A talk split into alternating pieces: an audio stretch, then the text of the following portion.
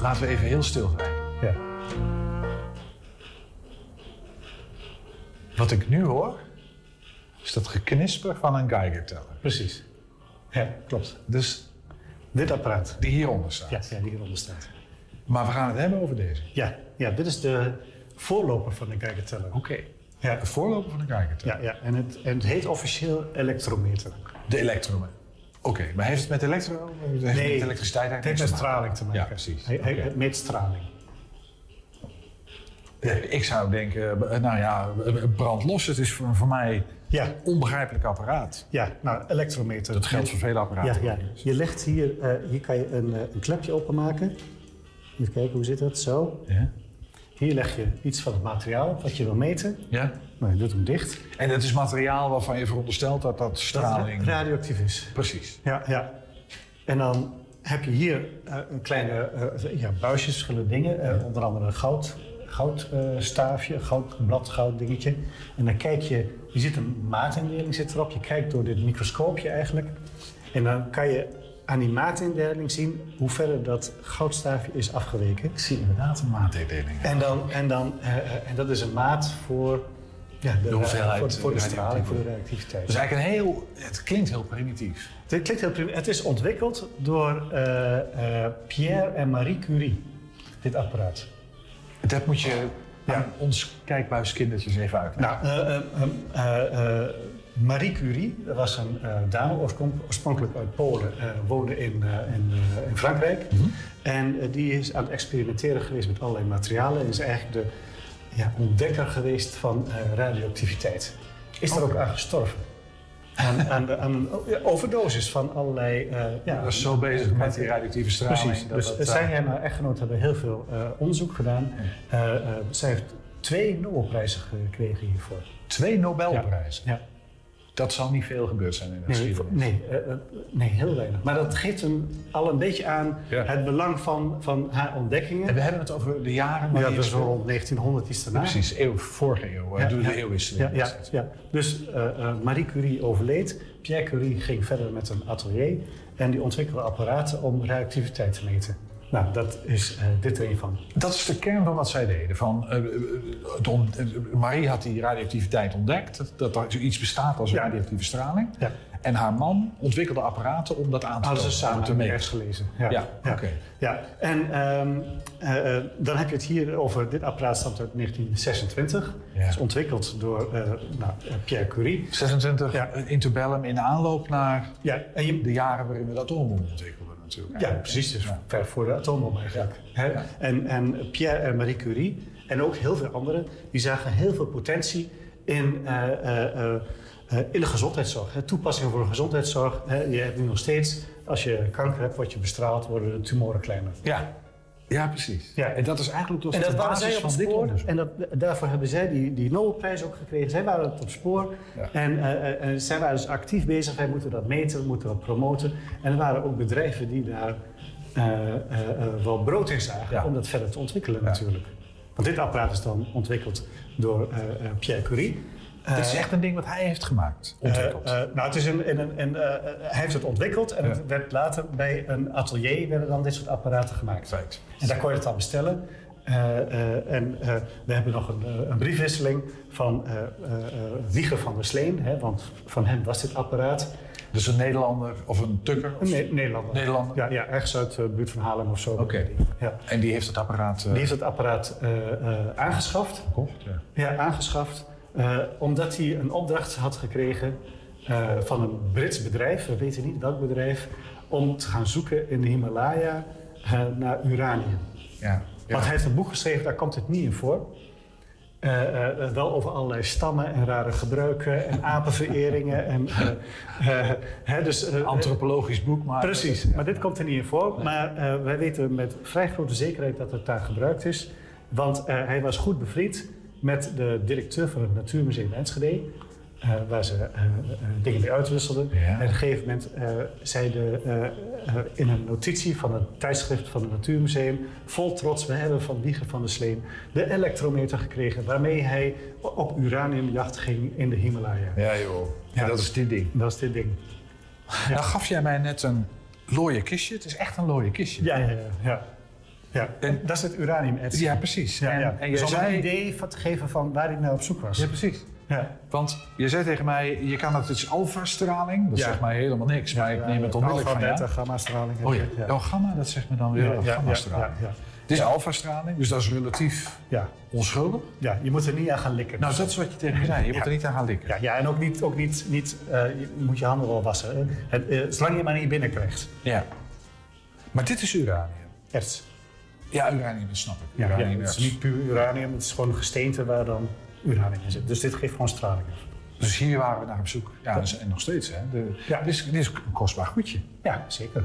Ja, ja. En dat hebben jullie hier in het... eh, ja dat, eh, dat laten we zo zien. Ja, we hebben ook uranium, ja. ja. Ja.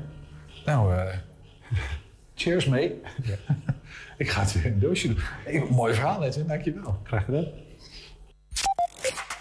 120. 120 vandaag. Geld als water. Die uitdrukking zullen velen kennen, maar hoe bekend ons geldsysteem eigenlijk is, dat is een stuk minder. Ehm, en dat is eigenlijk wel opmerkelijk, want geld bepaalt veel, bijna alles misschien zelfs in ons leven. In Rijksmuseum Twente hangt nu een fascinerende tekening die ons geldsysteem uitlegt, waarin water als metafoor wordt gebruikt, letterlijk. Ehm, het werk is onderdeel van een onderzoeksproject eh, van Follow the Money. En het is gemaakt eh, door kunstenares en cartograaf Carlijn King. Maar zij is bij ons samen met Follow the Money journalist eh, Thomas Bolle. Welkom beiden. Hoi.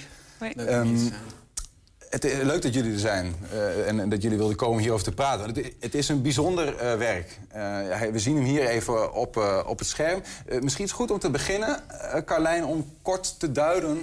wat zien wij eigenlijk in die tekening die je hebt gemaakt? Ja. Ehm, ja, zo, nee, zoals je al noemde, twee jaar geleden ben ik eh, begonnen met het onderzoek naar geld. Omdat het zo'n ongelooflijk eh, belangrijk onder, onderwerp is, maar tegelijkertijd zo ongrijpbaar en zo slecht te zien. Eh, en ik ben cartograaf. eh, en als cartograaf breng ik onzichtbare st- structuren van de samenleving, zoals het geldstelsel, in kaart. Zodat we die, die, die dus weer nou ja, een beetje gevoel bij krijgen, kunnen zien hoe dat werkt en het uiteindelijk dus ook zouden kunnen eh, veranderen. Dat heb ik hier dus ook gedaan. Ik ben samen met Thomas Bolle en Martijn Jeroen van der Linden dat geldstelsel uiteen gaan pluizen, gaan ontrafelen. En ik ben op zoek gegaan naar een metafoor om dat geldstelsel weer, weer zichtbaar te maken. Dus hier in, in dit werk zie je in het midden ehm, eh, de toren van onze samenleving, waar we bedrijvigheid, eh, economische activiteiten zien. eh, dus waar mensen allemaal aan het werk zijn. En door die toren stroomt geld. Dus je ziet eh, salarissen bijvoorbeeld naar beneden sijpelen, huren die worden opgepompt. En om die samenleving heen ehm, zie je de financiële sector als een soort waterwerk van dat geld. Eh, waar dus nou, de, de druk eh, wordt bepaald, waar de toegang tot dat, tot dat geld eh, wordt georganiseerd, waar wordt herverdeeld. Dus de, de banken, de centrale banken, de belastingdienst, de pensioenfondsen, eigenlijk alle belangrijke spelers die een rol spelen op, ja, op de manier hoe geld door onze samenleving heen stroomt. Ja. Het In is- een notendop. Ja, dat, het is, het is, kijk, misschien is dat meteen al goed om te benoemen. Jullie hebben ook een, een video gemaakt waarin het werk echt in detail zeg maar, wordt nagegaan. Waarin Ja. je dat verhaal ook uitlegt in 20 minuten. Eh, die is te bekijken hè, op jullie website van Follow the Money. Ja. ja, die is te zien op de site van Follow the Money. En dan ftm.nl slash waterwerk. Ja. Dan kun je de video en de animatie eigenlijk... Waar, waar we je meenemen door die kaart. En waar we dat systeem in detail uitleggen. Ja. Voordat ik naar jou ga, Thomas, eh, en benieuwd ben hoe jullie hier, hierbij kwamen en hoe jullie tot, samenwerking tot stand is gekomen. Eh Carlijn, je begint die video waar we het net over hadden te zeggen: eh, Ik begon met een nul voorkennis. Ja. Ehm, ehm, hoe, hoe is dat nu? Zeg maar na twee jaar onderzoek. Eh, Na heb twee jaar intensief. N- nou, snapt. Kijk, ik heb, ik heb twee jaar lang weinig anders gedaan. En ik had natuurlijk Martijn en Thomas iedere dag aan mijn zijde. Dus ik heb ontzettend veel geleerd. Maar het, het blijft gewoon een heel erg groot onderwerp. Maar ik moest daar. Ik, ja, de- dus als cartograaf heb ik steeds andere onder, heb ik steeds een onderwerp in kaart gebracht. Van onderwijs tot de democratie. En het ging altijd op een gegeven moment weer op, ja, ergens onderaan de streep ging het weer over geld. Dus dat onderwerp moest, ook al had ik er geen voorkennis van, daar moest ik een keer aan beginnen. En dat heb ik dus twee jaar geleden. eh, En heb jij gedaan. toen Follow the Money erbij gehad? Ik weet eigenlijk niet hoe dat tot stand is gekomen. Ja, dus ik ben eh, ehm, vrij snel op zoek gegaan naar eh, mensen die me konden rondleiden in deze wereld. Dat waren Martijn en Thomas, die, die, die al tien jaar onderzoek aan het doen- zijn hiernaar. En vrij goed eh, ehm, ja, gevoel hebben voor de wereld van dat geld en al die partijen daarin. Maar daarnaast zijn we ook per onderdeel nog met allerlei eh, ja, met experts en andere onderzoekers in gesprek gegaan. Om steeds ja, die detail, dat detailniveau en de coherentie van die kaart laag na laag na laag st- steeds eh, scherper te krijgen. Ja. Thomas, ehm, op een zeker moment komt dus Carlijn bij je van... zouden jullie mij willen helpen om Ja. dit eh, werk tot stand eh, te brengen? Ja. Eh, wat, wat was jullie eerste gedachte daarbij? Nou, we, we hadden het vorige werk van Carlijn gezien. Toen dacht ik, nou, dit is wel heel knap getekend. Waar ging dat over? Dat dat was met Rutger Bregman, het weefsel der mensheid... bij het boek De meeste mensen deugen. We hadden elkaar al wel eens ontmoet bij. Bij de correspondent... waar ze dat werk zat te, zat te tekenen. En toen had ik daar een aantal artikelen geschreven. Ook over geld. En toen raakten we al eh, in gesprek over het onderwerp. Dus toen zij voorstelde... Hey, ik wil mijn volge- volgende kaart over dat geldstelsel gaan maken... toen dachten wij wel van, nou, dat is eh, wel een eh, mooie uitdaging. Ook omdat ik... ik Mogelijk of onmogelijk? Wat dacht je nou, toen? nou, ik dacht, dit, dit is wel, klinkt wel heel gaaf om, om te proberen. Want eh, ik schrijf dus artikelen over ons financieel stelsel... en de invloed van geld op, op het dagelijks leven... door geldstromen te volgen. Hè? Want als je, ja, als je wil weten hoe onze wereld werkt... je zei het net al, dan moet je vaak volgen... waar komt het geld vandaan? Want dat is heel bepalend. Follow the money. En waar mensen aan de slag gaan, ook waar foute dingen gebeuren, waar heel veel geld wordt verdiend en ook waar dan vervolgens geen geld voor is. Dus eh, dan schrijf je altijd over één klein onderwerpje. Nou, dan schrijf ik al best wel veel over de bankaire sector of over iets wat er misgaat met belastingontwijking of dat soort zaken. Maar het is altijd over één onderwerp. En eh Carlijn stelde voor, ja, kunnen we niet een, een kaart gaan maken... waarin we de complexiteit van dat geheel eh, laten zien. En als je dat in een artikel wil doen, en dan, dat gaat niet. Want dan moet je, je, je hebt maar zoveel woorden, anders hou je de aandacht er niet bij. En je, als je die verbanden gaat leggen en je zegt... ja, dit heeft, eh, wat de banken doen, dat heeft te maken met eh, het geld voor de pensioenfondsen... en dan die belasting komt er nog eens bij, en dan ben je zo lost. Terwijl als je naar die kaart gaat kijken, dan kan je in één beeld kan je die samenhang vatten. Nou moet ik zeggen, als je daar alleen maar nu zo naar kijkt... dan, denk snap, je, dan heb je er misschien nog steeds wat te veel. Maar er zit wel heel veel logica in hoe die kanalen dus lopen in deze kaart. En dat is allemaal gebaseerd hoe het in de echte wereld dus ook werkt. En, en we hebben... Ja, ja, en wat ik me ook wel, want dat is, vind ik dus heel knap. Ik heb die, die video eh, gezien en ik hoor wel eens wat jij ook zegt, eh, fragmenten van hoe ons geldsysteem in elkaar zit. En dan hoor je dat mensen met geld investeren in allerlei dingen. En, nou ja, maar eh, hoe het samenhangt, hè, dat, dat zie je eigenlijk nauwelijks. En dan vraag ik me ook af. eh, ehm, helpt dit, denk je, Thomas, zo'n zo'n zo'n ding, om voor mensen die, heel veel mensen, denk ik, zoals ik, die er eigenlijk weinig kaas van gegeten hebben, om het, om het beter te begrijpen? Ja, nou dat, dat is wel de bedoeling. Dus daarom zeg ik ook, ga vooral naar het museum en eh, bekijk eh, de video op Follow the Money. Eh, de, de bedoeling van het, van het project is eigenlijk dat hele invloedrijke systeem... want dat geldstelsel, dat, he- ja, dat beïnvloedt het leven van iedereen. Want je moet allemaal gaan werken voor geld. Daarmee kun je dingen kopen. Als we een project willen gaan doen, bijvoorbeeld iets verduurzamen... ja, als er geen geld is, nou, dan gaat het gewoon niet door. Eh, is er voor iets heel vervuilends wel geld? En dan gaan we dat gewoon doen. Dus geld is ook niet alleen maar een resultante van wat wij doen. Maar als we geld ergens voor reserveren, dan gaan we dat doen. Dus is er heel veel geld voor eh, eh, financiering van Shell... ja, dan gaan we boorplatformen neerzetten. Ja. Dus, dus het, het, het geeft heel veel, eh, heel veel invloed in de, in de samenleving. En als je, ehm, als je daar iets aan wil veranderen, want dat, dat is dus ook mogelijk. Het stelsel is geen natuurverschijnsel, het is een ontwerp. En daarom, Car- Carlijn is ook architect. Dus daarom is het ook een, ja, een echt getekend als een stelsel, een bouwwerk. En dan kun je dus ook eh, delen die niet zo goed functioneren, kun je herontwerpen Ja. bijvoorbeeld. Nou ja, delen die niet zo goed functioneren. Als ik uiteindelijk die video uitkijk, dan, dan voel ik bijna, bijna een activistische ondertoon, zeg maar. Maar die, die niet omdat, misschien niet eens omdat jullie dat, of omdat je het graag zo, zo wil vertellen. Maar omdat we, we kijken hier letterlijk naar een toren die gedragen wordt door eh, zeg maar, de lagere sociale klasse. Ehm, maar die langzaam, volgens dit verhaal, eigenlijk wordt uitgekleed. En, en die Ja. werken, maar waar het geld uiteindelijk naar boven stroomt in plaats van naar henzelf. Ja, dat klopt. Nou, ik vind het wel interessant dat je dat eh, activistisch noemt. Want eigenlijk wat wij hebben gedaan is laten zien hoe in dat geldstelsel allerlei mechanismen zitten die ongelijkheid vergroten. Of die niet voor de samenleving werken. En dat, dat eigenlijk in, de, in deze eerste video stippen we dat alleen maar aan. Laten we alleen zien, dit, dit werkt voor de meeste mensen in die toren niet. Dus we zien, eh, we zien dat ongelijkheid alsmaar toeneemt. En dat heeft met allerlei dingen te maken. En eh, wat we eigenlijk vooral willen zeggen is... daar zouden we het over moeten hebben met elkaar. Dus dat, eh, ja... Heb je het al aan politici laten zien? Ja, we zijn ook met politici in gesprek geweest. Eh, met Mahir Alkaya bijvoorbeeld van de, van de SP. Maar dat zal. eh, ehm, we, we- hebben op dit moment dus een kaart gemaakt van hoe het stelsel werkt. De komende tijd gaan we in daarover met zoveel mogelijk mensen in gesprek.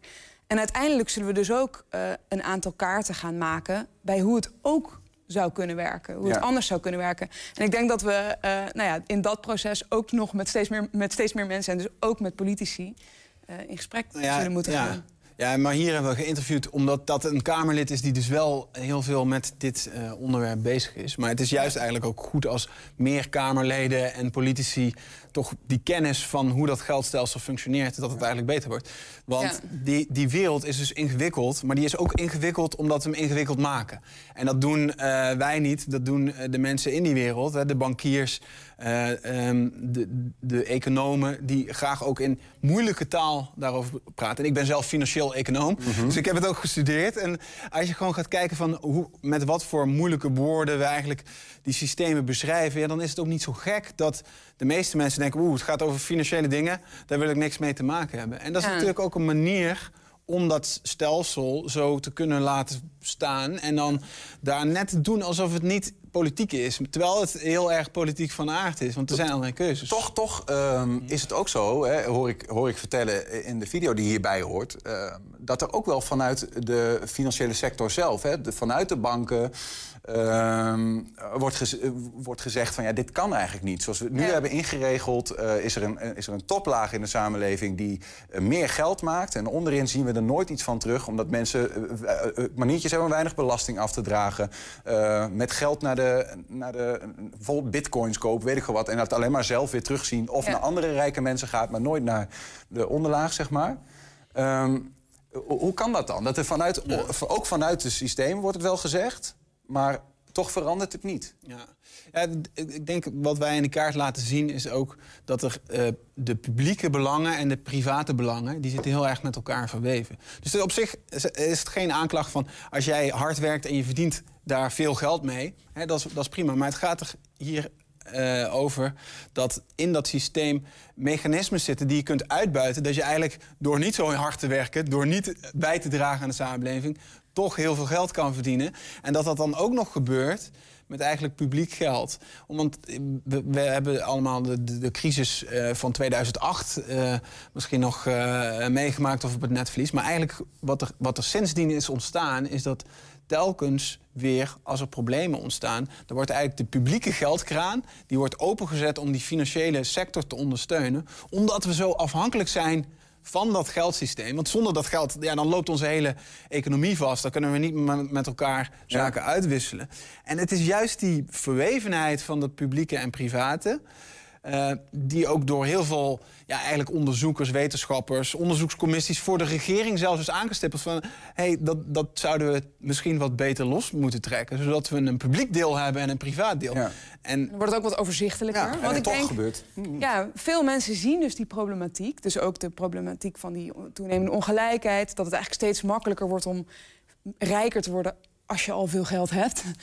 Eh, ehm, maar om dat te kunnen overzien, om dat te kunnen veranderen, moet je dat geheel, moet je dus al die partijen die allerlei op een bepaalde manier met elkaar zijn vervlochten, ook dus kunnen begrijpen. Ja. Ja, dat is een. Ja, daar proberen we dus precies op in te spelen met dit project. Maar goed, ik, ik zie wel... ehm, als mensen dit gaan begrijpen en, en daarin geraakt worden... Dat, dat had ik zelf eerlijk gezegd wel. Dat ik dacht van, wow, wat een, wat een systeem dan eigenlijk wat we hier hebben opgetuigd. Dan kan het maar zo zijn dat die toren van Babel, om het zo maar te zeggen, een keer uh, een uh, kopje kleiner wordt gemaakt. Hoe, hoe, kijken de mensen, de bankiers eigenlijk naar dit verhaal? Hebben ze je al gebeld van Carlijn, uh, hou eens op met je tekeningen? Nou, er zijn natuurlijk heel veel verschillende soorten reacties. Maar ik moet zeggen dat... Nou, um, Carlijn is artist in residence bij de Rabobank. Dus ja, die... dus ik, ik, ik, heb, ik heb gedeeltelijk... Nog niet ontslagen? Nee, absoluut niet. Ik, ik, kijk, daar, dat, dat sluit eigenlijk aan bij wat we net ook al zeiden. Ook daar zijn veel mensen die zeggen... ja, jeetje, ongelijkheid. Ik heb geen idee wat we hier aan. Ik zie het probleem, maar ik heb geen idee wat we hier aan zouden moeten doen. Het is ingewikkeld. En dus ook, ook daar willen mensen er denk ik toch ook over nadenken hoe dat, hoe dat anders kan. En dan krijg je nog weer een aantal andere problemen. Uh, dat is dat zo'n bank alleen misschien ook niet kan veranderen. Dus die zegt ook weer, ja, maar we, hebben, we zitten ook weer onder de toezicht van die centrale bank. Uh, we hebben ook een landschap waarin we moeten concurreren met andere banken. Dus het is echt iets wat we als, denk ik, als burgers moeten begrijpen. En wat we toch ook via de politieke weg uh, echt met elkaar bespreekbaar moeten maken. Ik wil zo meteen nog even uh, met jullie praten over wat je dan nu... want er komen nog wat werken aan, zoals jullie al zeiden... waarin je voorstellen doet. Hè? Ja. Uh, en dat lijkt me ook een bijzonder ingewikkeld in dit geval... omdat het zo'n ingewikkeld systeem is. Maar heel concreet gezegd, hè, Carlijne, je bent bezig. We zagen het ook heel kort even een, een foto voorbij komen... waarin we verschillende werken in het proces zien, uit het proces eigenlijk zien ja. hangen. Uh, wat, wat, heeft jou het meest gewoon persoonlijk geraakt toen je hoorde van Thomas en van uh, Martijn uh, Jeroen? zeg ik het goed? Ja. Um, concreet van wat je, wat je tegenkwam?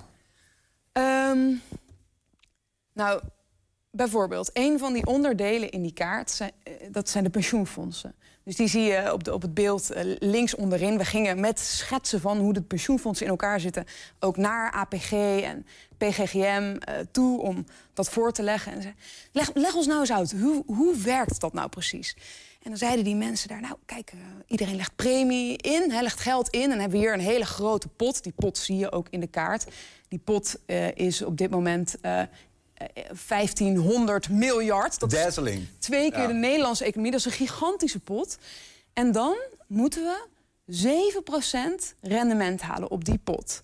En misschien omdat ik er nieuw instap in dit onderwerp... maar mijn eerste vraag was, dan denk je natuurlijk 7% rendement... op een pot die twee keer zo groot is als de Nederlandse economie. Hoe dan? Waar komt dat rendement vandaan? Dan gingen we die buizen volgen. Want je, onze economie, dat moet je natuurlijk even voorstellen... die groeit niet, niet, niet met meer dan 2% per jaar. Dus 7% rendement, hè, waar moet dat vandaan komen? Dat is dus uiteindelijk, dat zag je dus ook in veel gevallen...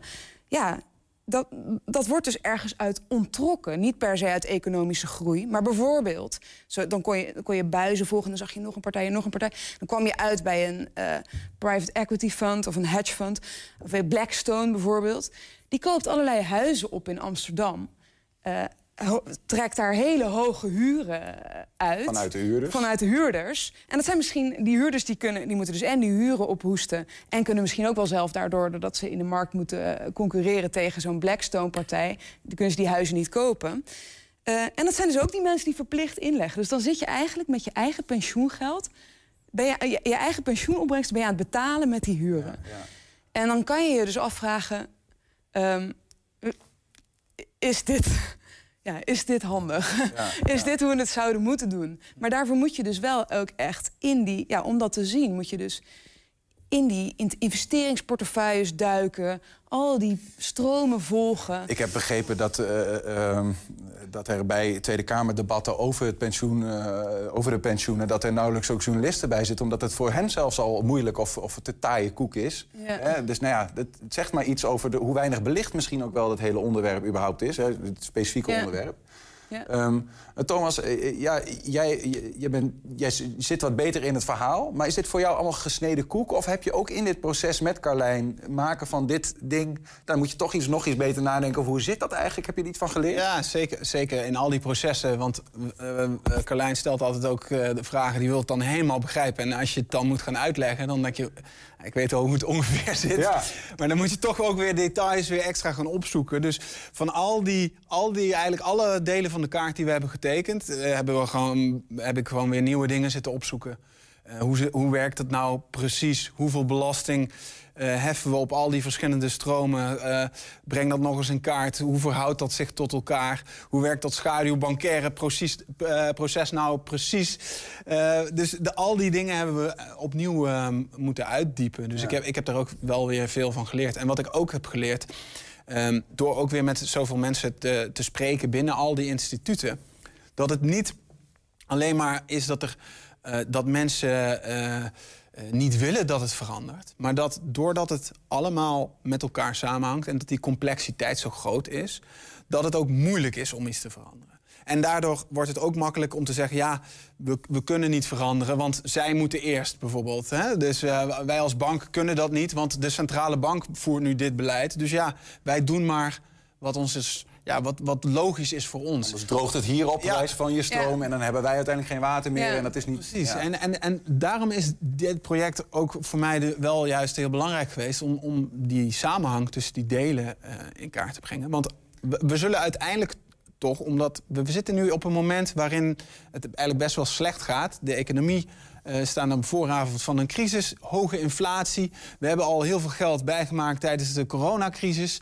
Daardoor hebben we nu die hoge inflatie. Als er nu eh, economische droogte ontstaat, is er eigenlijk heel weinig ruimte om dat dan weer met meer geld op te lossen. Omdat we, ja, dan wordt de, gaat de inflatie wordt dan nog hoger. Dus, dus we zitten allemaal eigenlijk in een systeem wat, waar het best wel is vastgelopen. Dus het is juist nu het moment om te gaan nadenken: wat moeten we nou in dat geheel veranderen? Ja. Een holistischere kijk. Een- ja, toch een kijk op dat geheel. En dat is ingewikkeld. Nou ja, en jullie doen een dappere poging. Dus blijkbaar, want Ja. eh, nogmaals, even wat we net hebben gezien is hoe het nu werkt. Ja. Eh, maar jullie zijn nog bezig met een aantal. En zijn het een aantal voorstellen van Ja. verandering? eh, zodat politici willen graag scenario's Ja. hè, kunnen kiezen. Ja, ja. Ja. precies. Ja, nou ja, en zo Tom, zoals Thomas al zei, kijk, ehm, uiteindelijk is het dus een ontwerp waarbij ook normen en waarden, dus wat, wat we rechtvaardig vinden, dat is onderdeel van dat ontwerp. En dat, dat maakt het dus ook meteen politiek. En je hebt natuurlijk allerlei ook verschillende politieke overtuigingen. Dus Ja, plus dat ik zit te denken, ja, de VVD is in Nederland nu bijvoorbeeld aan de macht. Dat is eh, duidelijk, eh, soms zou je het ne- neoliberaal noemen, een partij die is voor, voor marktwerking. En wat ik in die tekening zie, hè, dat, ja, dat is uiteindelijk wel wat het is. Het is het recht van de, recht van de sterkste misschien wel een beetje. Eh, ze, ja, ze zullen bijna een paradigma shift moeten... eh, Nou ja, juist, juist eigenlijk dus, dus eh, een gebrek aan marktwerking. Want in die bankaire sector heb je een aantal grote partijen... die met overheidssteun overeind worden gehouden. Dus dat gaat eigenlijk heel erg in tegen die liberale waarden. Als ze het Ja. moeilijk krijgen, wordt het een heel sociaal Dus- systeem Ja, voor de banken. Ja, het is, Ja. En, en dat is denk ik wel wat we in, in die kaart laten zien. Dat het dus helemaal... Het is geen liberaal systeem en het is ook geen sociaal systeem. Dus die waarden, die zitten er juist niet in. En dat is ook zo gegroeid. Je moet het ook bedenken, het is niet mooi ontworpen. Eh, het is in door de jaren heen is het zo gegroeid. En daar spelen dus al die belangen. Want je hebt natuurlijk altijd mensen die denken... hé, hey, als we net eh, die wet een klein beetje omzeilen... of we bouwen dit net wat anders, dan kunnen wij ervan profiteren. En het is ja, in, in het geheel van ideeën... zijn er dus ook allerlei ideeën die, die zowel eh, naar de meer sociale kant... of naar de liberale kant gaan om dat systeem te verbeteren. Want dat is ook wat wij wilden. We willen, niet zeggen... eh, dit is een neoliberaal eh, systeem en het moet socialer worden. Nee, we laten gewoon zien van hey, dit is, heeft eh, helemaal geen marktwerking op, op dit front. Juist confronteren met... Ja, confronteren met. Ze alignt het wel met jullie waarden eigenlijk, Ja, ja. het klopt eigenlijk Ja. niet met, met die waarden. En we willen nu ook in die mogelijkheden verschillende eh, denkers aan het woord laten. die eh, verschillende ideeën hebben over hoe je dit systeem anders kunt inrichten. zodat het wel eh, beter aansluit op, op die waarden. Hè? Dus kijk, als je, als je ongelijkheid. De, de een vindt dat erger dan de ander. Maar het is wel zo dat het gro- groeit, dat kunnen we vaststellen. En dat als een samenleving heel ongelijk wordt. Ja, dan is het ook voor, voor niemand, wordt het voor niemand leuk, want dan wordt het uiteindelijk onhoudbaar. En dat systeem, ja, dat, dat Dit systeem graaft zijn eigen graf. dat graaft ook Ja. zijn eigen graf. Dus we zullen ook, of het gaat met een hele grote klap, of we moeten erover gaan nadenken en het hervormen. En het kan, ja, in mijn ogen zou het slim zijn om erover na te denken en te hervormen. En er zijn dus ook heel veel mensen met ideeën. Dus die willen we nu ook eh, ja, aan het woord laten en dat in kaart brengen. Tipje van de sluier, is dat te geven? Hoe ziet die kaart er dan, eh, hoe zou die kaart eruit moeten zien? Is daar nog een toren? Is dat niet zo? Ja, ik weet niet wat je wil vertellen, jong. Ehm, ja, er, er- er zijn, er zijn ontzettend veel mogelijkheden natuurlijk. Eh, simpele, mogelijkheden, stim- simpele knoppen om aan te draaien... zouden bijvoorbeeld al bij de Belastingdienst kunnen zitten... op een andere manier herverdelen. En als je dan een stapje verder gaat... eh, nou ja, we zouden, en in de watermetafoor blijven praten... zou je ook kunnen kijken. Op dit moment is die toevoer tot eh, krediet... hè, die toegang tot krediet is, kan alleen maar bij een private eh, partij... Hè, bij een commerciële bank. Moeten we niet ergens anders ook nog een toevoerkanaal eh, aanleggen? Dus zou er een andere rol voor de centrale bank moeten zijn? Ehm zouden pensioenfondsen misschien een andere rol kunnen krijgen? Ja, we zouden, we zouden ontzettend veel Ja. kanten op kunnen gaan. Fascinerend. Ehm, we moeten het gesprek hier al, al stoppen, helaas. Maar het is een. Ik vind het fantastisch eh, werk wat jullie hebben gemaakt. En eh, het is eh, heel eh, begrijpelijk uitgelegd. En in die kaart samen de samenhang tussen, tussen dingen.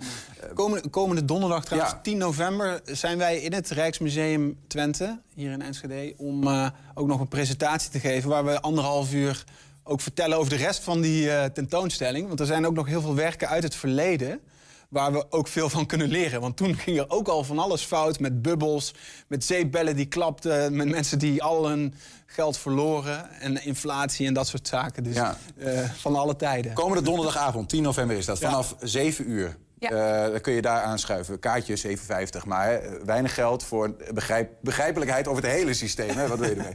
Het waterwerk van ons geld is nog in eh, Rijksmuseum Twente te zien tot en met 29 januari volgend jaar. Tijd zat, maar zorg dat je op tijd bij bent, zou ik zeggen. Carlijn Kingma en Thomas Bolle, super bedankt voor jullie komst en uitleg. Ja, bedankt. 120 vandaag. Ja, hou je vast. Er staat weer een tukker op de Alpaca en Hunk kalender. Danny Moes uit Enschede sierde de eerste editie in 2021. Mijn excuses. Dit keer is Hengeloer Jelle ter Linde de gelukkige. Jelle doet al jaren modellenwerk en hij is docent aan het Zonnecollege in Enschede. Waar hij onder meer praktijklessen dierverzorging geeft. Het mogen duidelijk zijn de perfecte combi voor een shoot in de Alpaca en Hunk kalender. Ik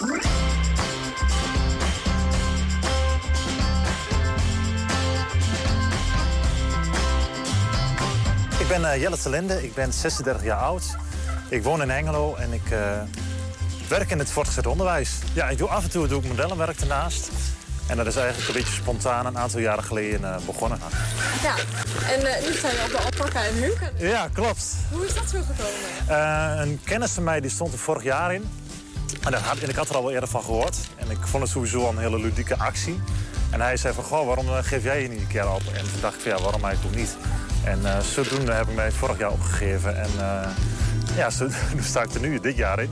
Wat was het eerste in je opkwam toen je zeg maar, hoorde dat je echt geselecteerd was om op de kalender te mogen? Toen dacht ik, oh, ik moet wel aan de bak. Qua sporten. Dat vooral, ja. ja. Maar dat vond ik ook juist een leuke uitdaging. Ik hou wel van een uitdaging. En eh, dit vond ik ook wel een goede reden om weer flink aan mezelf te werken en te trainen. Ik wel, als je zoiets doet, dan moet je het ook goed doen, vind ik. Ja, was superleuk. Een hele leuke ervaring. Je komt op hele mooie locaties. Je ontmoet weer nieuwe mensen. eh, en het zijn leuke dieren om mee te werken. Dus ja, dat is eh, sowieso een mooie ervaring. En als je volgend jaar dan weer werd? Nou, om elk jaar op zo'n kalender te gaan, weet ik niet of dat, of dat helemaal de bedoeling is. Maar ja, natuurlijk, het is wel leuk om dat soort dingen te doen. Dus wie weet een andere kalender. Had dus al eerder ervaring met modellenwerk. Ja, Maar het is eigenlijk een soort bijbaantje, toch? Dus eigenlijk, ik doe het ernaast. Ik werk gewoon fulltime in het onderwijs. En eh, de momenten die ik vrij heb, zoals vakanties of een weekenden, doe ik wel eens uh, mannequinwerk voor uh, winkels, zeg maar, modeketens, dat ik daar modeshows verloop.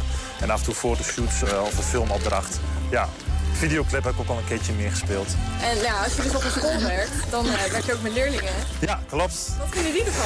Die, uh, een aantal hebben het al wel gezien of gehoord. En die vinden het allemaal wel heel grappig en leuk dat je dat soort dingen doet. Kijk, het is ook niet dat dat... Uh, je bent je ook bewust van dat mensen het gaan zien. En ook wel dat leerlingen het kunnen gaan zien. Maar goed, ja, ik doe niks geks in dat opzicht. Dus ja, het mag en het kan. Dus dat is alleen maar mooi. Zie je jezelf ook als een hunk? Um, nou, dat is dus zeer niet. Ik vond ook wel Alpaca en Hunk dat ik dacht, ja... Maar ik vind het meer leuk om echt gewoon leuke klussen te doen. En uh, als mensen, ja, ik vind het alleen al leuk om geselecteerd te zijn. En dat is ook aan de ander om te beoordelen, hè. Dus uh, ja. Ja, de alpaca en hun kalender dus. Uh, en voor de mensen die zich daar afvragen... we hebben zojuist Jelle in zijn natuurlijke habitat gezien... maar ja, we hebben ook een foto van hem. En mocht jij dit nou echt jouw ding vinden... wat vind je ervan, Niels? Mooie alpaca. Mocht je dit nou jouw ding vinden, dan uh, ligt hij uh, nog niet in de winkels. Maar hij is al wel te bestellen. Google dan op woorden als alpaca, hunk en daarbij nog kalender. Heb je een tip voor de redactie? Mail dat dan naar info.120.nl 120. 120 vandaag. Al jaren zijn de judoka's van stichting Judosport Oost uit Enschede succesvol. Zelfs op landelijk niveau. Afgelopen herfstvakantie werden twee judoka's van SJO, zoals het heet, Nederlands kampioen. Anderen doen zelfs mee aan Europese toernooien. En dit weekend nog hadden maar liefst 12 jongelingen van SJO een plek op de mat bij het NK onder 15. En toch is die club onderbelicht. Maar daar gaat hoofdtrainer Stijn Jager nu wat veranderingen in brengen. Stijn, goedemiddag. Goedemiddag. Um, Hopen we. Dat denk ik. Bij afgelopen weekend misschien te beginnen. Want uh, ja, misschien ligt daar aan of het een goede middag wordt of niet. Ja. Uh, hoe, hoe, is het gegaan? Uh, hebben, we, hebben we opnieuw podiumplekken gescoord? We hebben opnieuw podiumplek, een, een podiumplek gescoord. Rens Lohuis werd derde van Nederland in de categorie tot 60 kilogram. Um, en drie van onze judoka's die haalden de halve finale. Ja. Um, we zien hem hier staan, hè? Ja. Uh, Jen, Rens? Ja, Rens. Rens. Rens. Helemaal rechts. We hebben nog één foto dat hij uh, ook uh, met jullie staat, geloof ik. hier staat hij, trots winnaar van de derde medaille. Ja, klopt. Ja, dik verdiend. Ja. Goeiedag gedraaid. Nog halve finalisten. Oh, ja, ook nog een halve finalisten. Hanneke Plaggemas, die behaalde de halve finale. En Ruben Vaandering. Ja. dus ja, die drie stonden in de halve finale. Maar helaas verloren zij de pot om, om brons, dus met lege handen. Ja. Maar ja, dat is ook wel judo.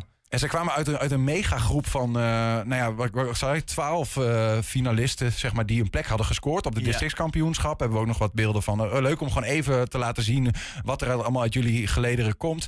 Um, tien konden er maar zijn, de anderen waren verhinderd, hè, maar twaalf ja. aanvankelijk, fantastisch. Ja. Um, ja, ik, ik, voordat we, want ik wil heel graag van je horen. Um, hoe, hoe kan dat nou? Hè? Wat zit er in het water, om het zo maar te zeggen, bij uh, Judo Sport Oost-Nederland?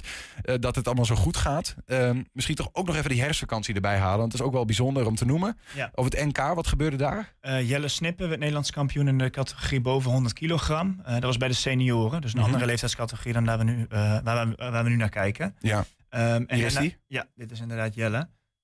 ja, super knap. Gewoon weer Nederlands kampioen. Um, draait trouwens ook internationaal echt goed mee op het moment. Dus uh, die gaat echt een aansluiting vinden met uh, uh, Roy Meijer en Jus Spijkers. Die nou, in de race zijn voor de Olympische Spelen. Oké, okay. dit is Olympische Spelen niveau. Ja, ik weet, nou, ik weet nee, er weinig niet van. niet helemaal, maar hij heeft onlangs goed gedaan. En stond hij tegen Teddy Riné in de finale op een Grand Slam. En Teddy Riné is echt nou, een beetje de... de de, de, grootste judoka uh, sinds tijden. Een Fransman is dat. Ja. Daar verloor hij wel van. Maar, uh, hij staat er wel tegenover. Ja, hij stond er wel tegen te knoppen, ja, inderdaad. Ja. En uh, ja, Jelle die gaat ja, zich nu eigenlijk mengen in die strijd om de Spelen. Oké, okay. ja. fantastisch. En we hebben nog Camille Nalbat. Ja, Camille inderdaad. Ja. Hier te zien, ook succes gescoord in de herfstvakantie. Nederlands kampioen in haargewichtsklasse. Ja, klopt. Tot 63 kilogram Nederlands kampioen. Ja. En ja, stond onlangs ook op het EK junioren. Uh, haalde daar de halve finale. Dus uh, Europees doet zij het ook, uh, ook ontzettend goed op het moment. Ja, en dan om nog even één succes, want dan hebben we in ieder geval iedereen op een rij gezet van het de afgelopen tijd te benadrukken. Als je het over Europa hebt, twee talenten, Eva, moet ik goed zeggen, Hangyi en Luc Mannenbeek, die zien we hier naast jou staan. Wat is ja. dit voor toernooi waar zij naartoe gingen? dit is een European Cup, een Europa Cup tot 18 jaar. En dit was dan in Riga.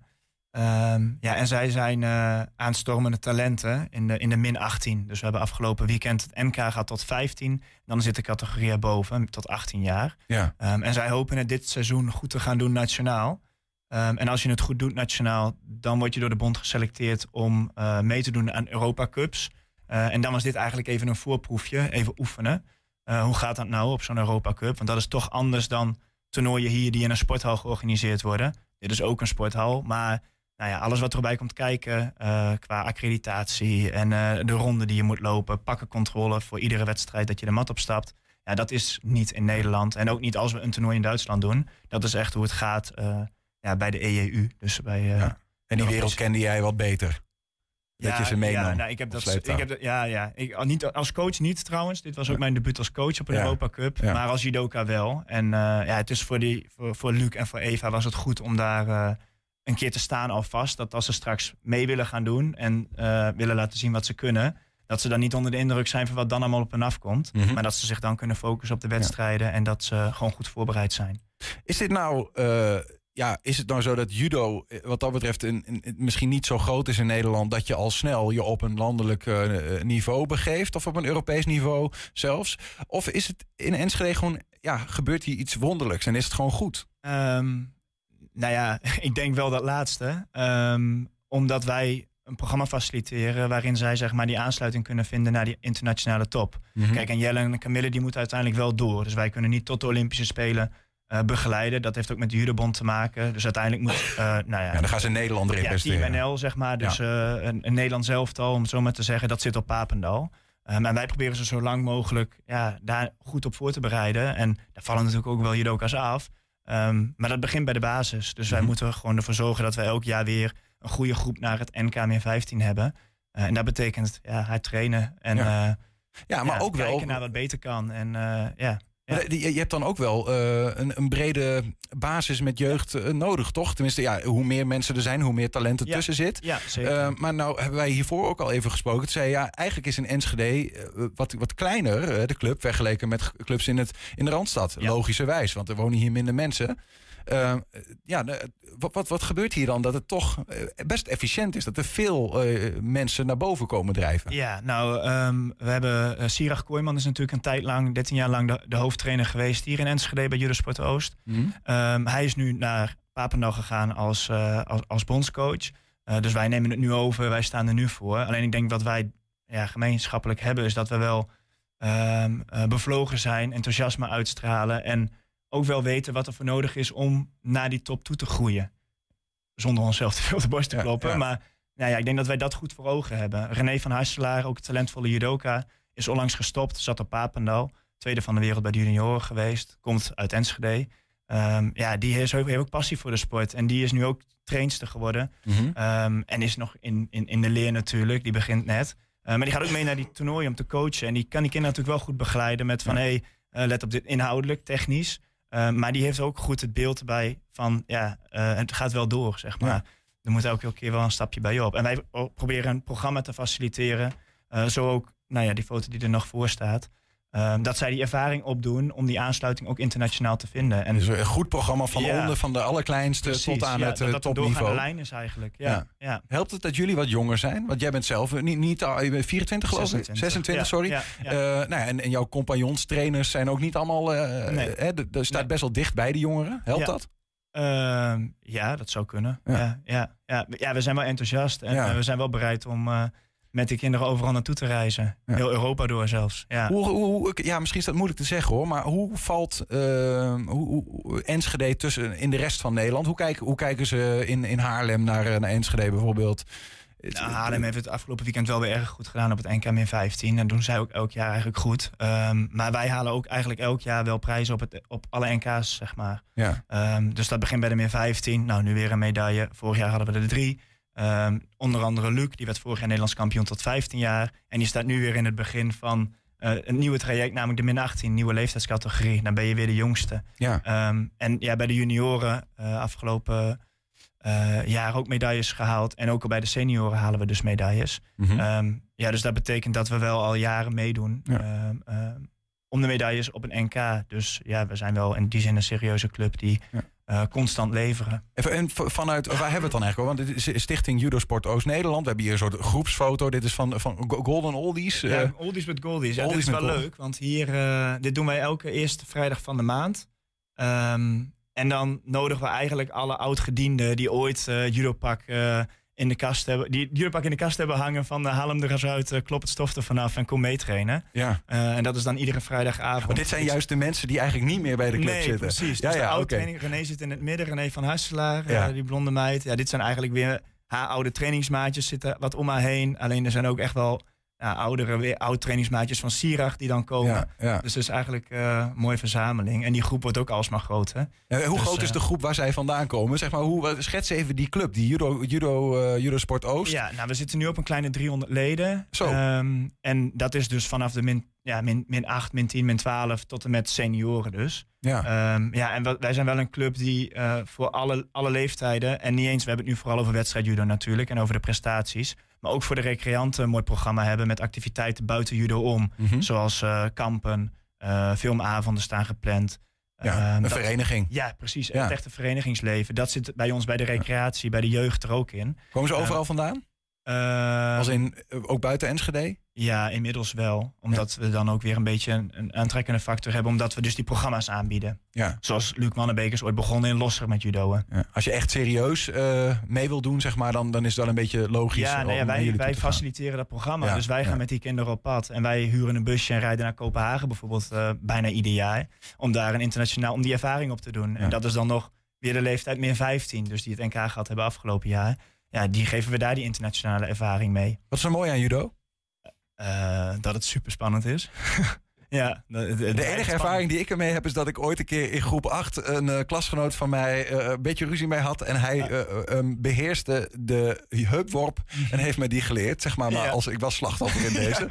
Dus maar de- het is spannend, zeg jij? Ja, ja en, en wat het ook wel is, kinderen leren zichzelf wel heel erg goed kennen van judo. Dus eh waar je anders op het schoolplein misschien twee kinderen tegen, over elkaar hebt staan die elkaar uitschelden of stoer doen omdat ze groter of sterker willen zijn dan de ander. Dat zie je bij judo eigenlijk niet. Het is een hele respectvolle sport waarbij kinderen ook leren hoe sterk ze zijn. Ja, ja. Ehm, en op het moment dat zij dan een randori noemen wij dat, een partijtje, een oefenwedstrijdje, eh, maken met elkaar, ja, dan kan degene die dan sterker is een wedstrijdje met 20-0 winnen. Maar dat is niet leuk. Dan is het leuker om het om en om, weet je, die kleinere ook wat te leren of een keer te laten vallen. Dus ja, Dat doe je ook in ja, judo. dat is ook bij judo eigenlijk een beetje de norm. Dus, Totdat het erom gaat, neem ik aan, nou in ja, de precies. wedstrijd. Dit gaat Ja. dan over, weet je, dat het voor iedereen toegankelijk is. En dat, ja, dat, dat is ook mooi aan de sport. Het is heel erg respectvol. En, Nou ja, ehm, want dat, dat, hoor je vaker hè, met vechtsporten. Eh, ik weet niet of judo een vechtsport zou zijn, of, of je dat zo ja, van oorsprong is zelfverdedigingssport. Eh, Maar, dat dat ja, mensen zeggen, ja, het, is juist eh, dat hoe beter je eigenlijk die sport beheerst, hè, hoe beter je jezelf beheerst. En dat die Ja. mensen juist buiten die, die ring, om het zo maar te zeggen, of de mat in judo geval, eh, ja, minder geneigd zijn om uiteindelijk in agressie of in, in conflicten terecht ja, te komen. Nou, vanuit oorsprong is judo eigenlijk wel dat je juist de kracht van de ander weet te gebruiken. Dus je moet zelf natuurlijk sterk zijn. En zeker als je op het hoogste niveau mee wilt trainen, dan moet je echt wel, eh, echt wel flink sterk zijn. Maar in de basis is het die ander uit balans brengen met zo min mogelijk kracht. ja. Dus vanuit controle. En die controle begint inderdaad bij jezelf. Ja. Als je zelf niet rustig bent of zelf die controle niet hebt, ja, hoe wil je dan de controle over de ander hebben, zeg maar. Dus ja. Dan ben jij zelf een, een bezig mannetje, denk ik. In die zin eh, dat je ook nog voor de, voor de basisschoolklas staat. Ja, dat is dan je vak. Mhm. hè, dat hoofdtrainerschap doe je erbij. Ja, klopt. Ehm, ik kan mij voorstellen dat er, dat er nogal wat kruisbestuiving is tussen wat jij doet in het, in het judo-lokaal of Ja. in, de, in de gymzaal en in, de, in de, dojo. kla- in de Ja. klaslokaal, Ja, in de dojo. Ja. Ehm, ja, zeker. En die afwisseling is ook mooi en die combi is mooi. Ehm, en er komen inderdaad dingen overheen. Ja, zeker. zeker. Dat, ja, uiteindelijk het leren natuurlijk. Voor Ja. mijzelf dan. Hè? Dat je bij beide de kinderen wat kunt leren. En ehm, ook het stukje sociaal-emotioneel bijvoorbeeld. Dat zit natuurlijk ook heel erg in judo. Die, die normen en waarden van, van het judo. Ja, dat komt ook alweer terug in de klas. Dus Ja. ja. Eh, Sta je bij het gymmen zelf wel eens voor de klas? Dat je Ja, zegt van, eh, Oh, zo, ik geef eh, even een eh, judo-lesje. Ja, dat komt wel. Dat komt wel. In het voorjaar gaan we dat doen. Ehm, maar wel stoeivormen regelmatig. Ja, precies, ja. Ja, Ja. Nou, het is lijkt me stoer om een meester te hebben die eh, eh, goed judo eh, kan. Hey, tot slot, als we het even over, nog over eh, SJO hebben, hè, over de Stichting Judo Sport Oost in Enschede. Wat, wat komt er nog aan? Wat, wat, wat, wat is de horizon? Wat gaan we zien ontspruiten uit deze club? Nou, we zijn denk ik op goede weg. Weet je, Sirach is nu weg, dus het was ook eventjes aan ons de zaak om ja, hoe gaan we het nu wegzetten, hoe Ja, gaan we het neerzetten. Grote schoenen om te vullen, wat dat ja, betreft. inderdaad, zeker. En eh, met zeker alle ervaring die hij natuurlijk had. Ehm, maar we hebben het nu zeg maar gewoon op de rit. En dat weten de judoka's die lid zijn. Ehm, dat weten nou, de collega's inmiddels, de andere trainers, ouders weten dat. Weet je, we gaan gewoon door. Ehm, en ja, alles staat, weet je. We doen nationaal weer mee. Eh, of nog steeds mee eigenlijk. Mhm. Dus vanuit hieruit kunnen we gewoon weer verder. Volgende week ehm, is het eerste meetmoment alweer voor het volgende seizoen. Dus eigenlijk seizoen 2023. Ehm, dus waar- Meetmoment is letterlijk de gewichtsklasse. Ja, nee, nee, nee, ja, dat is sowieso bij Ja. iedere wedstrijd een, eh, een, een, een weging natuurlijk. Ja. Maar ehm, nee, dat, daarbij kunnen, dat zijn eigenlijk de nationale kwalificatietoernooien voor die Europa Cups. Dus een, een, nou, en Luc en Eva hopen het volgend jaar goed te doen. Eh, zodat ze zich daarmee kunnen plaatsen voor een, eh, voor een Europa Cup. Ja. En, eh, ja, en Rens die is dan weer eerstejaars. Dus die is deze week Nederlands kampioen geworden. En was hij de oudste in zijn categorie. En volgende week kan hij opnieuw beginnen eigenlijk. Ja. Ja. We, blijven het volgen. Leuk om, om te horen dat het zo mooi gaat. En een keer uit een club met toch 300 man in de gelederen. Ja. die hoge ogen gooien. Het kan altijd meer. Ja, nou ja, precies. Er er zit nog groei in. Ja, en. We blijven het graag volgen. Dankjewel, Stijn Ja, Jager, dat je even bij ons wilde komen. Graag gedaan. Tot zover ook 120 vandaag. Terugkijken, dat kan direct via 120.nl. En vanavond om 8 en 10 ook op televisie te zien. Zometeen gaan we eens kijken of we eh, Henk Ketting op de rug kunnen krijgen met een mooie judo-worp. De kettingreactie op de radio. Tot morgen. 120. Weet wat er speelt in Twente. Met nu het nieuws van 5 uur. Goedemiddag, ik ben Eva Vloon. De Nationaal Coördinator Terrorismebestrijding trekt aan de bel over extreme complotdenkers. Zij en hun aanhang zijn vaak fel tegen de gevestigde orde en dat kan leiden tot bedreigingen of zelfs geweld. De NCTV heeft een rapport erover vandaag naar de Tweede Kamer gestuurd.